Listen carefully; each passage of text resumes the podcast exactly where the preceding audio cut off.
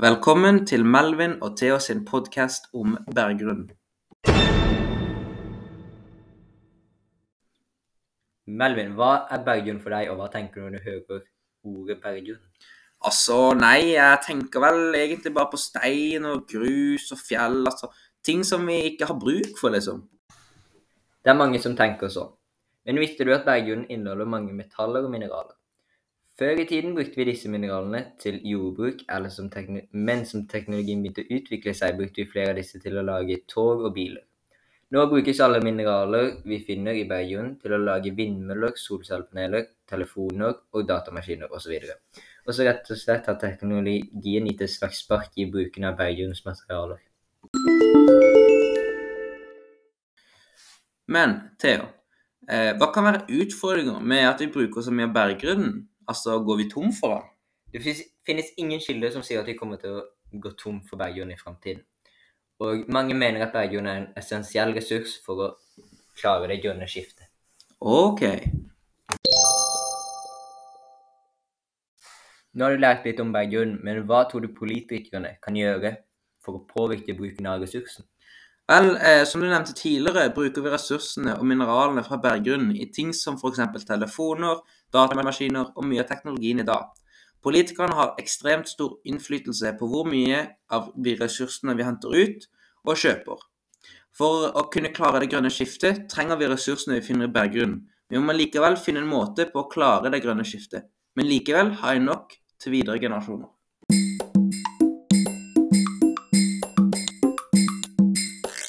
Men Theo, kan teknologien gjøre noe med at ressursen blir brukt mer bærekraftig? Bergjorden har ressurser som både er miljøvennlige og noen som ikke er det.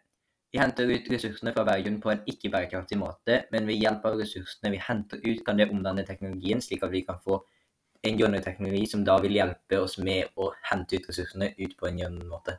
Så ressursene hjelper egentlig ressursene, da? Ja. Melvin, kan forbrukeren ha en påvirkning på ressursen? Ja, som jeg og du har nevnt tidligere, så brukes ressursene og mineralene som blir hentet opp fra berggrunn til ting som telefon, bil, datamaskin og tog. Hvis forbrukerne kjøper mindre av disse typer ting, spares også berggrunnen. Vil si at berggrunnen kan fortsette å gi ressurser i mange, mange, mange, mange år videre. Nå skal vi ha en liten diskusjon, og Theo skal begynne diskusjonen med å diskutere hvorfor politikerne har mest skyld og mest mulighet til å forandre hvordan vi bruker berggrunnen i dag. Vel, det er jo sånn at Politikerne styrer det meste. Det er jo de som styrer markedet for hvor ressursene går hen, hvor mye vi skal hente ut. Og egentlig så er det de som bestemmer hvor mye vi skal bruke i produksjon. Ja, jeg mener at eh, egentlig at forbrukerne har mest skyld. Fordi jeg føler at selvfølgelig kan politikerne gjøre veldig mye. De kan jo stoppe veldig mye. Men eh, folket og forbrukerne er jo det som drar politikerne til å gjøre forskjellige valg. Så når vi har lyst på den nyeste iPhone 16 Pro Max med 16 gigabyte, terabyte, et eller annet lagring, så eh, er det unødvendig mye ressurser som blir brukt. Og det føler jeg og tror jeg at eh, forbrukerne må gå inn i seg sjøl og faktisk eh, tenke seg om før de gjør mange nye kjøp.